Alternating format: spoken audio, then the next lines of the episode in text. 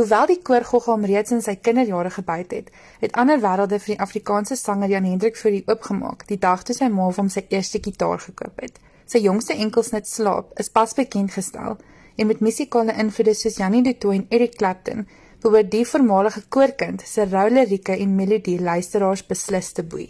Jan Hendrik, kan jy ons bietjie vertel hoe en wanneer jou musiekreis begin het? Ja, weet jy, ek het so 'n paar jare het ek gelede uh begin om gitaar optredes te doen en so 'n bietjie saam te sing.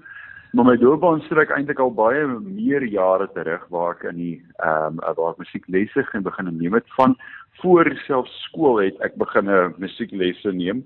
Ehm um, en uh toe ek op skool gekom het in graad 1 het ek begin met klavier te ehm um, uh, te neem en ek het van graad 1 af het ek in kore ook gesing En ehm um, dit het so aangehou totdat ek in graad 4 was en daar sit ek vir die Teggeberg kinderkoor het ek begin sing. En ehm um, toe ek in die hoërskool kom, het ek dit jaar in die saak in my hoërskool koor ook gesing, die hoërskool Teggeberg koor. En toe het ek in die uh, Suid-Afrikaanse jeugkoor begin sing. Dit was daai by die Fight Densha as 'n Afrikaanse jeugkoor, maar toe dit oorskakel na die net die Plain Suid-Afrikaanse jeugkoor. En dit het ek gedoen tot en met so graad 11 se kant en toe na skool was ek deel van die Tegberg Kamerata ook wat 'n naskoolse ehm um, uh, kamerkoor is. En dit was 'n hoërskool waar ek in graad 7 eintlik waar ek die eerste dag my gitaar opgetel het en uh, my ma het my nog 'n boek met 'n klomp drukke ingegee en sy het my drie drukke gewys en van daar af het ek toe nou maar die uh, daarmee weggehardloop en begin nou myself gitaar aanleer en uh, die sang het nou maar so drie jare het dit ook baie dit ook deel van my geword. Waarom die besluit om sang dan as 'n loopbaan aan te pak? Ja, ek dink dit was ehm um, ek het al die jare het ek verskriklik privaat opgetree. Ek het by huisfunksies en net troues en ehm um, en enige iets waar daar 'n klein gehore was as ek opgetree. En ehm um, ek besef ek wil my boodskap so 'n bietjie verder uitbrei en ek wil so 'n bietjie meer mense bereik deur my musiek want ek dink deur my musiek dra ek elke keer nogal so 'n uh, spesiale boodskap oor aan die gehoor en ek los dit altyd oop vir die gehoor se interpretasie. Ehm um, maar ehm um, ja, dit het my laat besef ek moet meer musiek daar buite kan sit want dit gaan nie daar buite kom deur dit vir 30 mense of 100 mense of wat ook al die geval mag wees te speel nie. Ehm um, dit gaan net daar buite kan kom as ek dit fisies opneem en ehm um, dit daar buite kan sit. Ehm um, en dit dit uh en dit is hoekom ek nou doen wat ek doen en dit 'n bietjie verder probeer in die industrie inbring en ehm um, en dit so 'n bietjie op radio uh probeer plaas en ehm um, ja. Ek verstaan jy dan in die begin van jou loopbaan baie meer Engels gesing. Waarom dan die skuif na Afrikaans toe en hoe het daardie skuif deure vir jou later oopgemaak? Ek sê ek vir so kan sê ek speel al vir jare lank met 'n band ook. Ehm um, uh, met wie ek baie optredes gedoen het. Die band se naam is die Jim Harrison Project. En ek het so 'n paar jaar gelede ehm um, uh het hierdie kompetisie begin uh die kontrak. En toevallig net voor die kontrak ehm um, uh begin het het ehm um, my neef eintlik vir my gesê maar ehm um, maar ek moet nou wegbeweeg van hierdie Engels. Ek is Afrikaanse ou en ek sing nie die hele tyd Engels. My eerste album was voluit Engels gewees. Dis sê ek my maar probeer in Afrikaans skryf en ek het altyd geglo ek kan glad nie in Afrikaans skryf nie. En toe het ek hierdie een liedjie het ek opgeneem. Ehm uh, ag sommer deur 'n vriend sommer ehm 'n um, 'n uh, uh, uh, klein opname gemaak en sommer videoetjies sommer geskiet ook daarvan. En toe het ek die video op Facebook gelaai en hy het binne 3 dae 27000 views gekry. En toe het ek nogal besef daarso is daar's aanvraag daarvoor en Ehm um, en dit was en die mense het baie aan meer aanklank met die Afrikaanse musiek gevind as wat hulle met my Engelse musiek gevind het. En dit het my toe geïnspireer om baie meer Afrikaans te skryf. En toe as my tweede projek, groot projek wat ek aangepak het, het ek toe ehm um, 'n uh, liefdadigheidsprojek aangepak. Ek het 'n baie groot passie uh vir mense wat op kinders althans uh wat met uh, uh nie geneesbare siektes lewe soos kanker en ehm um, en uh HIV en daai tipe siektes en toe het ek hande geneem met die Rooikruis uh, Kinderhospitaal in Moubrey en toe ons uh, dit ek ek en 'n klomp van my musikale vriende dit is ehm um, Fatman Mark Hayes, Jerry Liberty, Almarie de Pre, ehm um, Dion Meyren, uh die kamerkoor uit Mrs Kroon um, en 'n paar ander mense um uh, uh het toe saam begin werk aan 'n projek. Um uh Werner Bekes uh, wat destyds by Select Musiek was, het aangebied om 'n liedjie op te neem en die liedjie se naam was Amen. Dit het dit vry gestel en dit het soveel um inspirasie vir ons almal gebied het. Ek net besluit dit maar nou wil ek 100% Afrikaans skryf. Dit is my dis my huistaal, maar dit is ook my passietaal en dis hoekom ek ehm um, toe oorgeskakel het ehm um, van die Engels af na die Afrikaans toe. Kyk, ons weet dit sit nou natuurlik nie in enigiets se broek om 'n sangloopbaan aan te pak nie en jy het boonop steeds 'n voltydse werk. So hoe vind jy balans tussen hierdie twee? Absoluut, absoluut. Kyk, ehm um, dit kom met baie Red Bull laat aande en min slaap. Ehm um, maar dit is nogals uitdagend om 'n voltydse werk te hê. Ehm um, en ook ehm um, uh dan nou ek wil amper sê semi voltyds in die musiekloopbaan te wees. So 'n mens moet 'n baie fyn balans hê en prioritiseer en en jou afsprake baie goed beplan. Gelukkig in my ehm um, in my geval is dit baie eenvoudig dat meeste van my optredes oor naweke en aande plaasvind. Ehm um, so die twee ehm um, help nog mekaar en dan is daar ook baie sinergie tussen die twee. In die aard van die saak werk ek voltyds ehm um, vir Radio Tygerberg. Ehm um, en ek is baie gelukkig daarso dit is ehm um, ek is baie gelukkig om ehm um, hulle bemarkingsportefeulje te bestuur. Ehm um, en ehm um, ja, en dis kry ek ook baie ervaring oor wat in die industrie plaasvind en wat ek as 'n musikant kan doen om myself te bemagtig. Ehm um, en dit het vir my ook baie kontakte ehm um, uh, uh, uh, gegee in die industrie.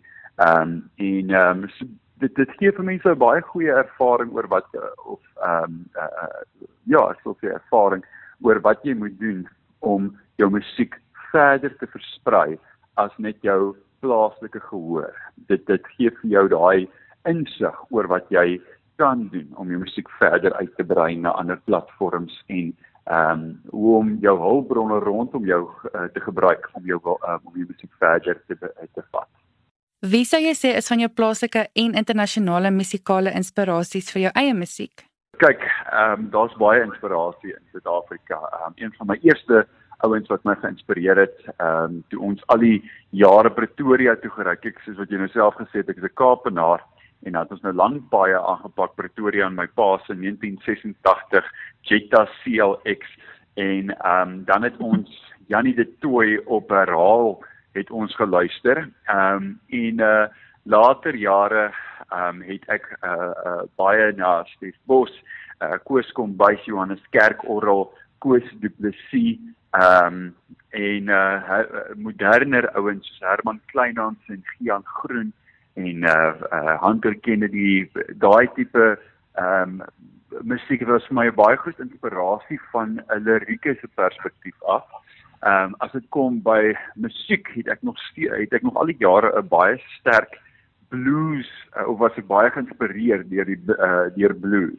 Ehm um, ouens soos uh, John Mayer en Jack Johnson en Eric Clapton en Stevie Ray Vaughan was nog baie groot inspirasie. Dis hoekom my musiek ehm uh, mense sal agterkom met musiek uh, wat ek vrystel is baie eenvoudig waar my optredes is baie meer fingerstyle, baie meer tegnies ehm um, georiënteerd as ehm um, as wat die musiek jy weet op die radio speel. Mm, mm. So ek geniet beskiklik baie om gitare te speel en ek is ek ehm um, sal baie keer myself in ehm um, in 'n finansiële probleme inwerk om nog 'n gitaar te koop maar ek dan dink ek nou net nie die maand nou Recoffee nie. Ag dan dink ek nou nie Nescafe nie, dan hou ek maar by die Recoffee vir die maand. Ehm um, en uh ja, dan nou ten minste het ek dan 'n nuwe gitaar. Vertel ons bietjie oor jou eie skryfstyl en daarmee saam ook oor jou jongste enkelsnit slaap. Dit is nogal belaai met baie intense lirieke wat ek dink enigiemand sal aanraak. Absoluut. Kyk, elke liedjie wat ek skryf, skryf ek baie uit my hart uit. Ek skakel my brein amper af want ek dink enigiemand het ehm um, uh dit is 'n dit is 'n baie groot ontbloting van jouself as 'n mens nou skryf want uh, ek dink enigiemand wat na enigiemand anders te luister besef dat as jy oor iets skryf, dan skryf jy uit persoonlike ervaring uit. Ehm um, wat my liedjies altyd aanbetref is die liedjies kom met 'n storie en die mense wat my naby ken, uh weet van uh, weet van my lewe en weet wat alles in my lewe gebeur. Ehm um, maar wat ek wil wat ek baie keer wil hê is dat die luisteraar hulle eie storie moet interpreteer. Baie keer as 'n handskoen jou pas, dan trek jy hom aan. En met meeste van my liefdesbelades of liedjies wat ek geskryf het, is dit 'n geval van ehm um, dit is 'n baie vrolike ervaring, dit is 'n uh, baie eenvoudige ehm um, vrolike gevoel waar hierdie is 'n baie swaarder liedjie. Ek dink my vorige enkelsnit red my is ook so 'n bietjie aan die swaarderige kant en dit is 'n stryd ehm um, ehm um, die nuutste ene wat slaap is is 'n stryd met 'n verhouding waar daar 'n derde party betrokke is. En dit is die gevoel, dis die frustrasie en die kwaad wat daarmee gepaard gaan as daar 'n derde party in die verhouding kom en die onsekerheid en die selfbeskuldiging wat daarmee gepaard kom. En baie van die lirieke, daar is 'n paar sterk lirieke daarin en ek los altyd my lirieke oop vir 'n uh, luisteraar om te interpreteer en ek dink enigiemand wat 'n liedjie luister kan hulle eie afleidings maak maar baie keer is dit ook net 'n weerspieëling van hoe jy as luisteraar self dit ervaar.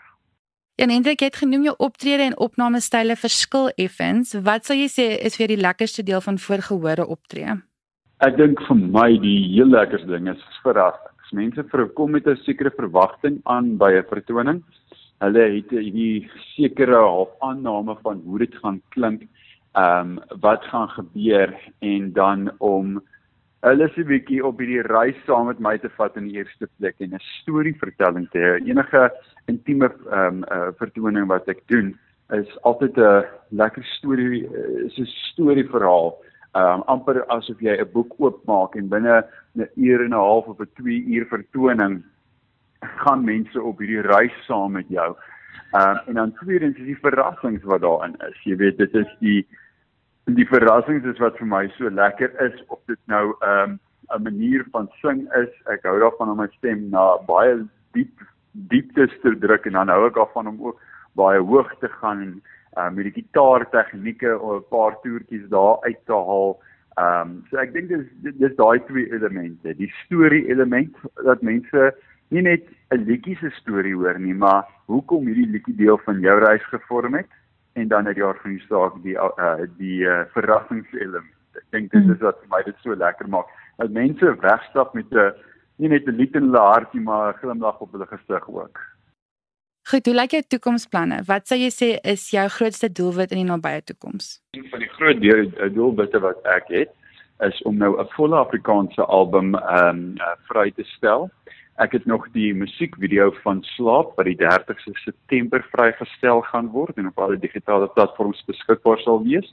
Ehm um, en dan ehm um, is ek stelselmatig besig om meer en meer Afrikaans op te neem dat ek my vollengte album uh hopelik in begin 2023 bymekaar kan sit en aan die publiek vrystel.